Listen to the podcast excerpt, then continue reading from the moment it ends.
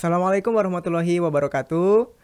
Halo, sel- uh, sobat muda mendunia. Selamat pagi, siang, sore atau malam, kapan pun sobat muda, muda mendunia menonton. Selamat datang kembali di podcast UMY Talks. Nah, di episode kali ini kita akan membahas sesuatu yang uh, lumayan menarik dan juga ini bisa dibilang sangat berkaitan dengan UMY karena kita akan membahas terkait Sustainable Development Goals atau SDGs. Nah, mungkin untuk gambaran awalnya bagi teman-teman semua, sobat muda mendunia, SDGs ini merupakan uh, inisiasi dari PBB Perserikatan Bangsa-Bangsa demi menjamin kesejahteraan masyarakat di seluruh dunia. Jadi ada jadi ada 17 indikator SDGs yang sudah ditetapkan dan di mana uh, Universitas Muhammadiyah Yogyakarta, kampus kita tercinta ini ikut mengambil peran dalam mewujudkan SDGs khususnya di Indonesia. Nah, mungkin ini info juga bagi sobat muda mendunia bahwa belum lama ini UMY telah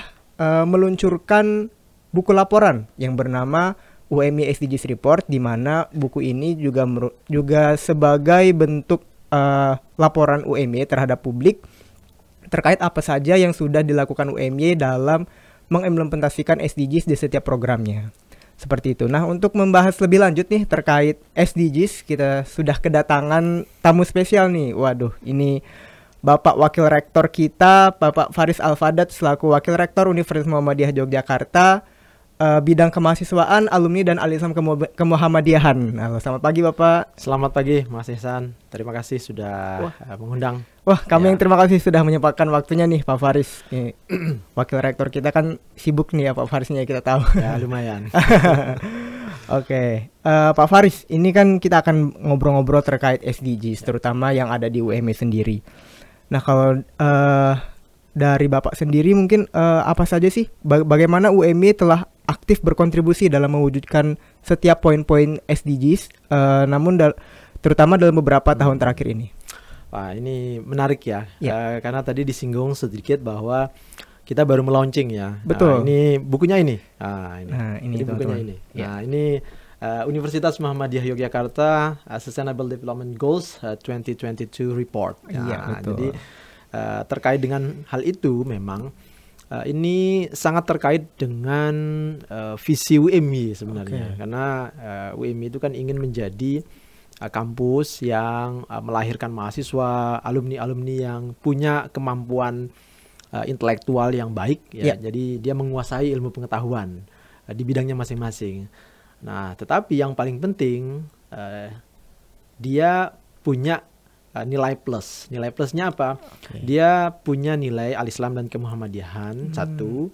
Yang kedua, dia bermanfaat bagi masyarakat, bagi umat, bagi kemanusiaan. Okay. Nah, uh, poinnya adalah yang terakhir ini bahwa kebermanfaatan itulah yang kita ingin agar program-program di UMY betul-betul uh, sesuai sasaran. Jadi apa yang kita lakukan itu adalah untuk orang lain, hmm. untuk masyarakat, untuk uh, sekitar untuk community baik okay. yang ada di Indonesia maupun di luar negeri. Intinya kita ingin bermanfaat ke sebanyak mungkin orang. Hmm. Nah, itulah yang kemudian membuat program-program UMI sangat uh, selaras dengan uh, SDGs. SDGs. Nah, ya. visinya sebenarnya itu. Uh, kalau ditanya kenapa sih gitu ya? Iya, nah, kenapa sih Pak? UMI ini kayak terlihat sangat fokus gitu dalam menerapkan betul, SDGs. Betul. Nah, ini kalau kita ingin flashback itu sebenarnya kaitannya sangat dalam dengan sejarah lahirnya UMY. Oh. Nah, UMY itu uh, kalau apa namanya ditelusuri sejarah kelahirannya itu betul-betul dibantu oleh banyak orang ya baik, baik. nggak punya kampus hmm. uh, dosennya nggak ada awal-awal ya yeah. jadi betul-betul uh, karena ada niat baik dari anak-anak muda guru-guru di mualimin yang kemudian ingin mendirikan universitas waktu itu ceritanya ingin agar alumni-alumni di uh, madrasah mualimin itu nanti ketika lulus mualimin bisa kuliah. Iya. Nah pertanyaannya nanti mereka mau kuliah di mana ah. gitu kan. Nah dari situlah guru-guru anak-anak muda itu baru usia 20-an tahun loh itu uh, sehingga mereka berpikir bagaimana kalau kita siapkan dengan mendirikan universitas. Nah jadi UMI ini adalah universitas yang langsung didirikan sebagai universitas. Kalau beberapa universitas Muhammadiyah yang lain itu biasanya transformasi dari institut, yeah. dari sekolah tinggi. Nah, UMY ini betul-betul dari universitas. Okay. Nah, di situlah proses kelahiran itulah kemudian oleh para pendiri itu dirasa bahwa wah UMY ini betul-betul lahir atas bantuan banyak orang berdasarkan hanya modalnya itu SK pimpinan wilayah Muhammadiyah bahwa berdiri UMY tapi nggak ada kampus nggak ada hmm, dosen hmm, gitu ya yeah. kemudian minta bantuan dosen-dosen UGM membantu ah. uh, uh, nggak ada lahannya dibantu oleh uh, sekolah pendidikan guru Muhammadiyah pindah lagi ke SMA Muhammadiyah gitu ya okay. sampai kemudian punya lahan di Asri yang saat ini menjadi uh, Asri Medical Center ya rumah okay. sakitnya UMY dan juga rumah sakit gigi dan mulut RSGM ya Pak. RSGM. Yeah. Nah, kemudian dibantu oleh masyarakat dananya macam-macam termasuk lahan yang sekarang kita sekarang pindah ini lebih dari 30 hektar. Hmm. Ini juga bantuan okay. nah, dari pemerintah saat itu. Nah, sehingga UMY mem memandang bahwa wah UMY ini dibantu oleh banyak orang. Sekarang tugasnya UMY membantu sebanyak mungkin orang. Hmm. Nah, karena itu itulah uh, nilai dari visi UMY itu kemudian diterjemahkan ke dalam program-program yang sehingga kita melihat ketika ada program SDGs baik dari PBB maupun dari pemerintah kita melalui yeah. Bappenas UMY harus masuk ke situ karena UMY sudah melakukan itu bertahun-tahun. Hmm. Nah, jadi okay. filosofinya itu. Oke. Okay. Jadi memang sudah selaras ya Pak apa yang Betul. diinginkan UMY dengan program yang sudah ada dari pemerintah maupun PBB memang ternyata ketemu nih titik tengahnya. Jadi ya. akhirnya sudah sejalan begitu saja. Oke, okay. menarik. Uh, kita bahas sedikit terkait buku laporan ini Pak UMI SDGs Report ini bisa dibilang juga menjadi uh, salah satu bukti komitmennya UMI ya Pak dalam mewujudkan SDGs. Kalau boleh diterangkan sedikit Pak, apa saja sih Pak yang terkandung di buku laporan ini? Baik, nah uh, ini buku laporan yang bagi kami ya. ini barangkali ya, ya. boleh jadi ini adalah buku yang uh, paling lengkap yang dimiliki oleh kampus-kampus uh, yang ada hmm. di Indonesia. Okay. Karena kami ingin membuat laporan itu yang standarnya uh, di kampus-kampus luar negeri ya. Uh, kita memang melihat beberapa laporan dari kampus-kampus lain uh, dan mereka juga sudah punya program-program bagus. Nah, tapi kami ingin memaparkan uh, laporan yang lebih komprehensif. Artinya okay. dari 17 aspek ya. Jadi SDGs ini punya uh, 17 uh, goals yang ingin ya. betul-betul yeah. diterjemahkan ya. Yang mulai dari yang pertama dari no poverty begitu ya, yang ingin mendorong uh, apa, pengurangan jumlah orang miskin di dunia ya sampai yang terakhir itu uh, tentang saya cek yang terakhir itu tentang uh, hmm. partnership, partnership ya, ya, ya partnership ya. ya kita kemitraan dengan uh, berbagai stakeholders untuk program-program uh, yang dampaknya luar biasa kepada masyarakat. Okay. Nah kita ingin agar melihat seluruh aspek program yang ada di UMY ini kaitannya dengan 17 aspek hmm. tersebut. Hmm. Nah, kita selama ini sudah punya program uh, yang begitu beragam, baik yang dilakukan oleh dosen, yang dilakukan oleh mahasiswa, yeah. dan itu banyak sekali yang aspek kebermanfaatan sosialnya tinggi, termasuk okay. kebermanfaatan lingkungannya. Nah, kita ukur misalnya untuk no poverty, UMY itu kontribusinya seberapa banyak. Hmm. Salah satu contoh kita mengukur berapa dana yang dikeluarkan yang dispend oleh UMY untuk mendukung no poverty. Berapa riset yang dilakukan oleh dosen, mahasiswa yang topiknya tentang no poverty. Okay. Kemudian berapa kolaborasi kita? Kolaborasi itu bisa kolaborasi dengan instansi di dalam negeri maupun kolaborasi di luar negeri. Jadi kita ukur kolaborasi kita dengan siapa saja. Hmm, nah, yeah. irisannya dengan uh, semangat untuk reducing no poverty itu uh, apa gitu ya. Sampai nanti jumlah publikasinya sebegitu detail kita mengukur uh, dari program dan ini kita ukur dari 1 Januari 2022 sampai 31 Desember 2022. Nah, Oke, okay, berarti memang semua dari hulu ke hilir ya Pak ibaratnya yang sudah dilakukan selama satu tahun terakhir Betul, ini ya.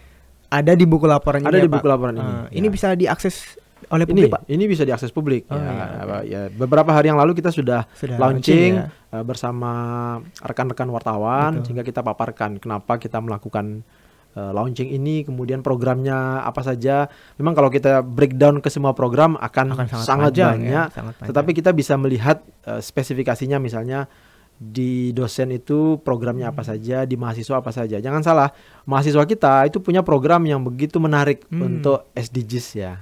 Nah, jadi tidak hanya dosen yang melakukan program-program SDGs tapi juga mahasiswa dan mahasiswa itu juga. dananya juga besar, baik yang kita berikan secara langsung maupun dana yang diberikan ke UMY melalui hibah-hibah baik dari instansi luar negeri maupun instansi dalam negeri dan okay. ini disalurkan kepada mahasiswa kita termasuk uh, scholarship kepada mahasiswa asing, mahasiswa uh, tidak mampu itu dihitung semua hmm. sebagai aspek untuk mendukung uh, ketercapaian SDGs di Indonesia dan dunia. Oke, okay. nah. baik baik. Uh, dengan masifnya sekali upaya yang sudah dilakukan oleh UMY, UMY Pak, kita alhamdulillah juga sudah mendapatkan rekognisi dari uh, beberapa pemeringkatan lembaga pemeringkatan salah satunya adalah Times Higher Education Impact yes, Ranking yes, siapa? Betul, betul. Nah, uh, sebenarnya kalau dari pandangan Bapak sendiri apa sih faktor utama yang dapat membuat UMY berhasil mencapai pemeringkatan yang lumayan signifikan ya Pak uh, peringkatnya lumayan tinggi. Betul. Nah, uh, memang dalam kaitannya topik-topik SDGs ini UMY masuk ke dalam beberapa uh, award atau rankingan. Yeah. Memang yang paling tinggi adalah Times Higher, Higher Education. Education. Nah, yang lain itu juga ada uh, hmm. UI Grand Matrix itu juga uh, kita masuk. Yeah. Nah, saya ambil contoh UI Grand Matrix ini mengukur aspek-aspek juga yang sangat erat irisannya dengan SDGs. Okay. Nah, dari 1900 negara yang masuk dalam rankingan UI Grand Matrix, hmm. UMI ada di 130. Wow. Nah, jadi kita bayangkan aja itu seluruh dunia 1900-an. Kita ada di nah, 100 kita 130. Iya. Ya, 130. 130 itu termasuk okay. alhamdulillah termasuk tinggi. Termasuk tinggi. Ada juga uh, beberapa beberapa award ya uh, uh, uh UMI mendapatkan uh, kampus percontohan dalam uh, kampus sehat uh, yang diberikan ah. oleh Kementerian Kesehatan. Jadi Kementerian Kesehatan menunjuk beberapa kampus tidak banyak eh, hmm. bagi kampus percontohan untuk kampus uh, sehat. Nah, salah satunya kita. Nah, yang terakhir adalah Times Higher Education Impact Ranking. Jadi Times Higher Education ini adalah lembaga perankingan yang sangat uh, bereputasi. Yeah. Uh, kalau kampus-kampus luar itu dia akan merefer kepada dua ranking yang paling uh, prestis. Yang pertama QS ranking dan okay. THE ranking. Oh. Nah, dua rankingan inilah kalau kita ingin apa namanya masuk ke dalam eh, kampus-kampus yang punya reputasi. Nah, ada satu aspek dalam uh, uh, Times Higher Education atau the ranking itu yaitu impact yang mengukur dampak kampus terhadap masyarakat, terhadap lingkungan. Dan ini ukurannya SDGs. Hmm, nah, kita masuk iya. sudah kalau tidak salah dua atau tiga tahun terakhir kita masuk ke dalam ranking dunia. Tahun lalu kita alhamdulillah masuk ke peringkat 800 dunia. Uh, alhamdulillah tahun ini naik.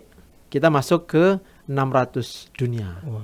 600 dunia ini ingat dari kalau tidak salah ya, uh, ada total uh, 29 ribu kampus yang diukur di seluruh dunia di seluruh apa? dunia. Wow. Kalau tidak salah, saya uh, agak lupa data detailnya, yeah. tetapi hampir 30 ribu kampus yang masuk dalam perankingan ini kita masuk dalam 60 besar, 600. 600 besar. Nah, ini alhamdulillah sangat, sangat tinggi. tinggi. Ya, Dan bahkan ada yang spesifik untuk kategori no poverty, artinya program UMY yang mendukung untuk uh, berkontribusi terhadap pengentasan kemiskinan, kita hmm. masuk di 120 besar.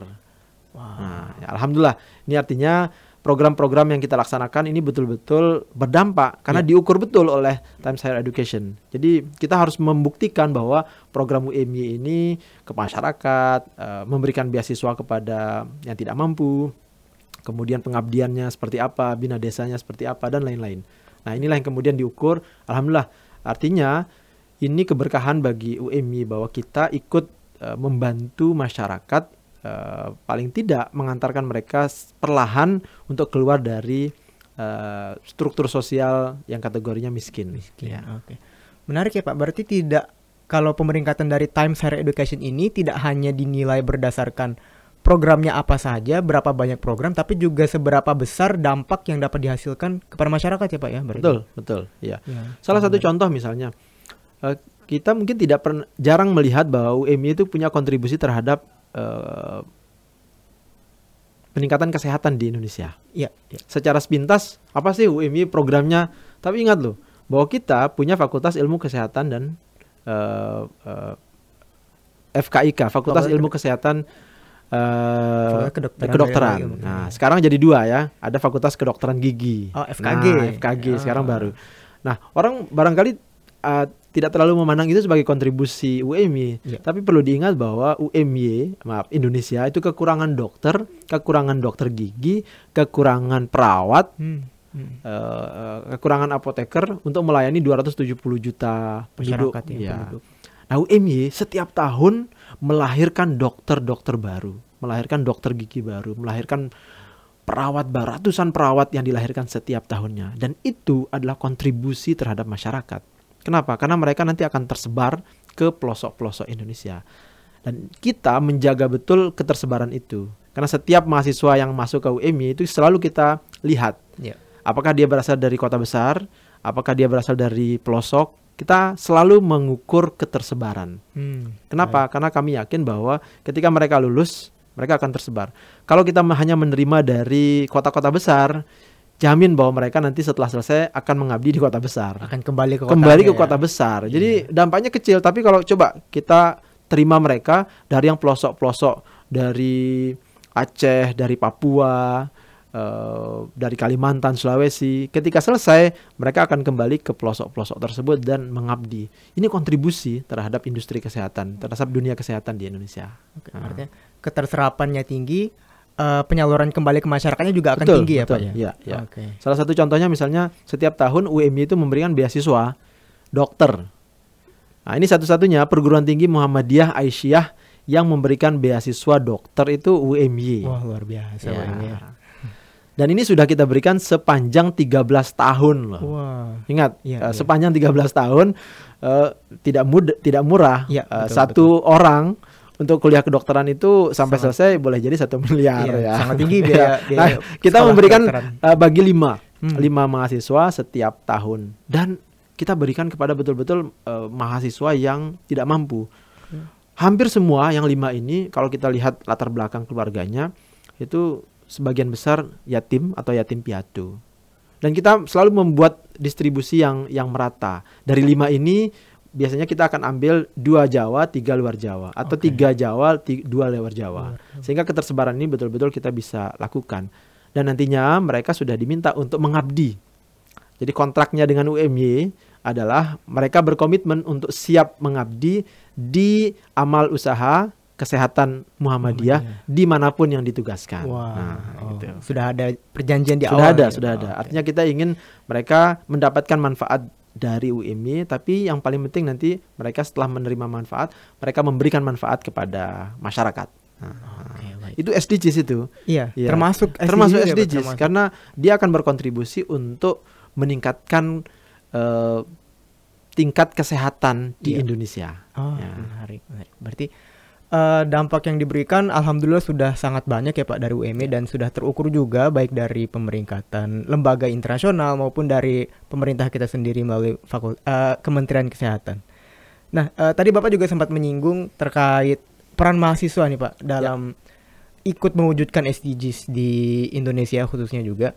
Eh, kalau menurut Bapak sendiri eh, apa saja sih yang dapat mahasiswa lakukan dan bagaimana mahasiswa mahasiswa mahasiswa UMI ini dapat berperan aktif dalam membantu mewujudkan SDGs? Wah, baik. Kalau mahasiswa itu banyak banget programnya. Banyak Jadi banget ya, banyak Pak. yang melihat wah mahasiswa hanya kuliah saja. Oh, Iya, belum iya. tentu. Eh, mahasiswa sekarang itu keren-keren loh. Misalnya kami di UMY kita punya program salah satunya untuk program pengabdian nih. Iya. Eh, biasanya kan orang kalau pengabdian wah dosen gitu ya. Tapi bagi mahasiswa itu ada program menarik di UMY namanya kita buat namanya Young Sustainable Initiative. Oke. Jadi project eh, keberlanjutan dari anak-anak muda. Karena itu kita sebut Young Sustainable Initiative eh, YSI. Nah, apa tugas mereka? Jadi mereka eh, adalah sekelompok mahasiswa yang aktif di organisasi. Hmm. Nah, ini kita peruntukkan khusus bagi organisasi-organisasi mahasiswa, baik himpunan yang ada di program studi eh, BEM, eh, kemudian IMM, Dewan Perwakilan Mahasiswa, baik di fakultas maupun universitas, termasuk UKM-UKM, UKM kegiatan juga, mahasiswa. oke. Nah, mereka harus mendesain program di satu desa. Wah, itu programnya menarik-menarik. Ada yang misalnya ada yang eh, mendesain eh, untuk para difabel Oke. yang eh, bapak-bapak ibu-ibu di satu desa gitu ya, yang kapasitasnya su- sulit sekali kan. Tapi mereka bisa buat desain untuk program produktif, misalnya membuat batik Ah, eh, ecoprint, iya, iya. kemudian eh, ada program literasi. Eh, jadi dan kami dorong mereka agar semua program harus relate kepada salah satu atau dua aspek dari 17 SDGs ini. Wah. Nah itu setiap tahun kita berikan eh, dana, baik yang diberikan oleh Kementerian eh, Pendidikan maupun yang diberikan oleh UMY. Hmm. Nah jadi uh, dananya bervariasi. Oke. Nah, itu salah satu contoh. Contoh yang lain banyak. Uh, kemudian uh, bisnis entrepreneurship juga itu bagian dari uh, SDGs. Kenapa? Karena mendorong agar uh, dampak ekonomi bagi masyarakat itu terus berkembang. Nah, Oke, ini, berarti ini di antara apa kegiatan mahasiswa ya. Oke, memang banyak ya Pak dan sekaligus juga untuk memberdayakan masyarakat. Betul. Mahasiswa ini dapat terjun langsung ke masyarakat dan memberikan eh, program-program yang sudah mereka desain sedemikian rupa ya, Ya, Pak ya. Oke, menarik menarik. Eh mungkin ini pertanyaan selanjutnya Pak. Dalam mewujudkan SDGs ini tentu akan lebih eh, ideal bagi UMI untuk berkolaborasi dengan banyak pihak. Eh, mungkin bisa dari lembaga pemerintah maupun swasta dan juga masyarakat sipil. Eh, apakah sudah ada bentuk kolaborasi yang dilakukan oleh UMY atau eh, apa saja sih yang sudah dilakukan oleh UMY seperti itu Pak dalam melakukan kolaborasi? Baik. Nah, salah satu yang diukur oleh SDGs adalah eh, dalam setiap program itu seberapa banyak, seberapa besar keterlibatan mitra kita. Oke. Ya, misalnya dalam laporan ini itu kita selalu mengukur salah satu aspek misalnya tentang lingkungan, climate action. Oke. Nah, kita diukur berapa dana yang dikeluarkan atau dijalankan oleh UMY. Kemudian berapa sih kolaborasi kita dengan instansi mana saja? Berapa hasil atau output dari program tersebut Eh, bisa publikasi, bisa eh, pemberitaan dan lain-lain. Nah, itu diukur semua. Jadi hampir semua program itu ada mitra atau instansi yang bekerja sama dengan eh, kita. Contoh tadi, ketika kita memberikan beasiswa untuk pengentasan kemiskinan, itu kita selalu melibatkan mitra ada dana yang dialokasikan oleh UMI sendiri, ada dana yang dialokasikan oleh mitra kita. Begitu juga program-program mahasiswa yang tadi. Ya. Misalnya contoh eh, minggu lalu kami baru tanda tangan MOU dengan eh, Bank eh, Syariah Indonesia Hmm, baik. baik. terkait dengan pendanaan. Nah, dalam program tersebut, MOU tersebut eh, ada dua aspek yang penting. Yang pertama scholarship. Jadi kita memberikan eh, beasiswa dan alokasinya kurang lebih satu miliar kepada mahasiswa yang ada di UMY. Nanti kita akan seleksi dan ini betul-betul bagi mahasiswa yang tidak mampu, Wah, tapi di baik, mereka punya baik. prestasi. Nah, yang kedua eh, untuk eh, community development. eh, salah satu community program eh, pengabdian yang menarik adalah kita akan membuat dental mobile care. Ah, oke. Jadi karena kita punya fakultas kedokteran gigi, Ya. selama ini orang kalau di kampung-kampung sulit sekali untuk mengakses perawatan gigi. pera- perawatan Mereka gigi, harus Pak. agak jauh, bisa Hmm. jadi harus naik motor, naik mobil sekitar 5 sampai 10 kilo. Apalagi kalau sudah agak tinggi ya. Iya. Di misalnya di Kulon Progo itu kan kalau turun, itu Turun. bisa agak jauh ya. Betul. Nah, dan sehingga membuat orang kurang nyaman untuk mengakses. Nah, kita buat dental mobile care. Jadi mobil yang bisa datang ke kampung-kampung untuk memberikan pelayanan dan ini gratis. Nah, ini dari mitra kita. Jadi kita ber- ber- berkolaborasi dengan mitra kita. Begitu juga kolaborasi riset pengabdian yang ada di luar negeri. Hmm. Jadi kita juga bekerja sama dengan uh, instansi-instansi yang betul-betul membuat program kita ini tidak hanya dilaksanakan oleh UMI tapi berbarengan. Karena itu salah satu slogan SDGs itu kan uh, leave no one behind ya. Leave no one behind. Nah, Betul. sebenarnya kita juga ingin agar program UMY ini betul-betul ber- berkolaborasi dengan yang lain. Nah, Oke, menarik dan tidak menutup kemungkinan untuk tetap mengajak mahasiswa untuk terlibat ya, Pak. betul, Betul ya. ya. Ini menarik sekali mungkin sobat muda mendunia tertarik untuk ikut terlibat juga boleh banget nih ikut program dari YSA yang yang Sustainable Initiative ataupun dari teman-teman FKG mau terlibat juga dalam pelayanan kesehatan kepada Ya. masyarakat. Menarik, menarik. Eh, nah, eh, Pak Faris, dalam beberapa tahun terakhir ini setelah UMY melakukan berbagai eh, upaya untuk mewujudkan SDGs, tentu tidak lepas dari banyak sekali tantangan yang sudah dihadapi. Nah, mungkin bisa Bapak ceritakan apa saja sih Pak yang menjadi kesulitan yang telah dilalui oleh UMY selama ini? Baik. Kalau bicara tantangan, kesulitan itu pasti ada ya. Betul, Setiap tahun itu pasti pasti ada. Eh, kita mulai dari mana ya? Kalau pendanaan saya kira ya semua instansi Semua, pasti iya. akan menghadapi itu. Tapi kami memandang itu bukan bukan eh, sesuatu yang Iya. perlu kita khawatirkan Hmm. sih. Ya kita punya resource dan juga kita punya mitra itu satu.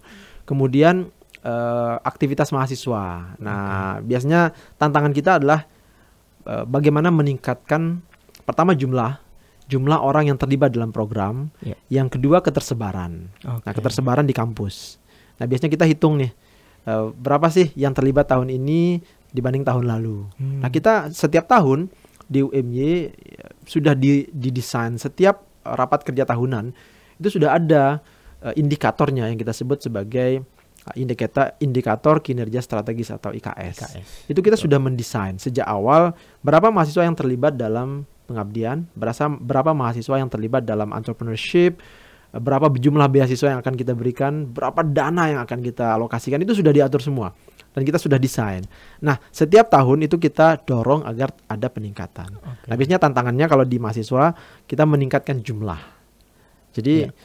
karena tantangan mahasiswa sekarang tuh beda dengan tantangan mahasiswa 10 tahun yang lalu atau 20 tahun yang lalu. Sekarang di, disrupsi mahasiswa itu banyak sekali ya. Betul, betul. Uh, dan dan mindset mahasiswa itu tidak hanya saat ini di, dipengaruhi oleh bacaan, dipengaruhi oleh apa yang mereka pelajari di kampus, enggak. Hmm. Jadi banyak sekali dipengaruhi oleh aspek-aspek luar yang ada di luar kampus dan ini tantangan betul.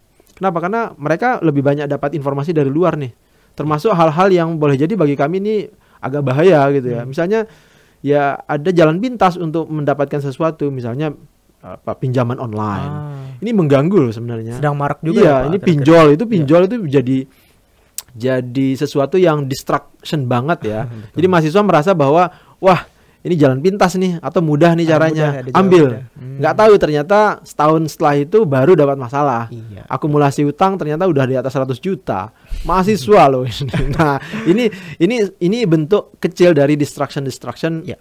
bagaimana mendorong mahasiswa itu untuk banyak terlibat tapi kita ingin agar banyak terlibat kemudian uh, ketersebaran program studi itu juga betul-betul uh, ada ya sehingga ya kita ingin semua program studi itu betul-betul mahasiswanya terlibat aktif. Ya. Oke, okay, baik. Uh, kalau dari pandangan Bapak sendiri, secara umum di Indonesia sudah seberapa komprehensif kah pengimplementasian SDGs di Indonesia dan apakah masih ada aspek-aspek uh, yang dapat terus ditingkatkan lagi nih Pak di Indonesia untuk ah, pengimplementasian SDGs? Kalau kita melihat Indonesia memang uh, ada dua ada dua cara. Yang pertama kita perlu melihat siapa yang bertanggung jawab dalam pelaksanaan SDGs. Ada ada unit yang core unitnya ya. Nah kalau kita melihat memang SDGs ini di bawah Kementerian Bappenas hmm, ya. Yeah. Itu ada bahkan ada SDGs apa ya deputi yang mengurus atau dirjen deputi yang mengurus tentang program-program SDGs. Itu sudah hmm. ada dan sehingga mereka sudah membuatkan website, membuatkan kampanye, campaign e, melibatkan anak-anak muda itu sudah ada program bahkan ada website sendiri dan mendorong adanya SDG Center termasuk kita juga sudah ada SDG Center ya, di banyak tempat di Indonesia banyak kampus di Indonesia nah kita harus melihat itu dulu yang kedua kita bisa melihat dari prioritas pemerintah Nah, karena SDGs ini adalah 17 aspek ya. uh, tujuan yang ingin dicapai. Nah, pemerintah kita itu mengalokasikan dana untuk program-program tersebut atau tidak. Nah, bisa kita lihat uh, memang kalau kita lihat tidak semua program SDGs itu menjadi prioritas pemerintah. Nah, sekarang pemerintah kita memang lebih banyak ke ekonomi, infrastruktur, ya. Uh, kemudian ya pendidikan masih, pendidikan masih uh, yang agak kurang mungkin lingkungan, ya. ya. Betul. Nah, kita melihat uh, tidak belum ada pemerataan tentang prioritas SDGs kita. Ah, ya. Oke, okay. baik baik. Tidak menutup kemungkinan akan selalu dilakukan peningkatan juga ya Pak, baik dari pemerintah maupun uh, instansi-instansi seperti ya. perguruan tinggi dan juga lembaga-lembaga lainnya yang memang berfokus untuk mewujudkan SDGs di Indonesia terutama. Ya.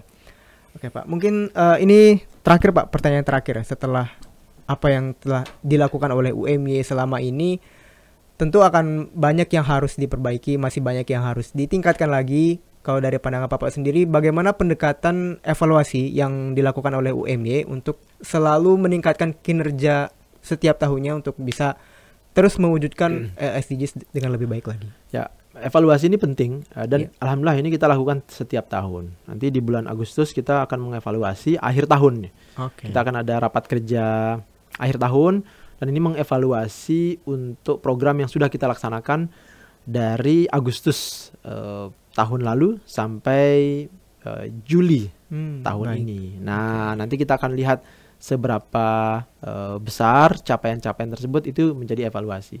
Evaluasi kedua melalui buku report SDGs ini. Ah, betul. Nah, ya. ini tahun ini sedang berlangsung program SDGs. Nanti insya Allah tahun depan kita akan buat lagi laporan untuk melihat seberapa besar peningkatan kita di semua aspek dari 17 tujuan SDGs ini. Okay. Nah, saya kira itu. Oke. untuk evaluasinya. akan akan terus dievaluasi Ya. untuk mencapai peningkatan yang lebih baik lagi ya Pak. Oke, sangat menarik ini teman-teman sobat muda mendunia. Jadi memang sangat penting sekali bagi eh, kita semua masyarakat dunia untuk terus berupaya mewujudkan SDGs karena akan sangat besar dampaknya bagi dunia karena ada 17 aspek yang diukur untuk eh, bisa menjamin kesejahteraan. Balik lagi eh, kita kembali lagi kepada penjaminan kesejahteraan seluruh masyarakat di di belahan dunia mana pun di secara global seperti itu.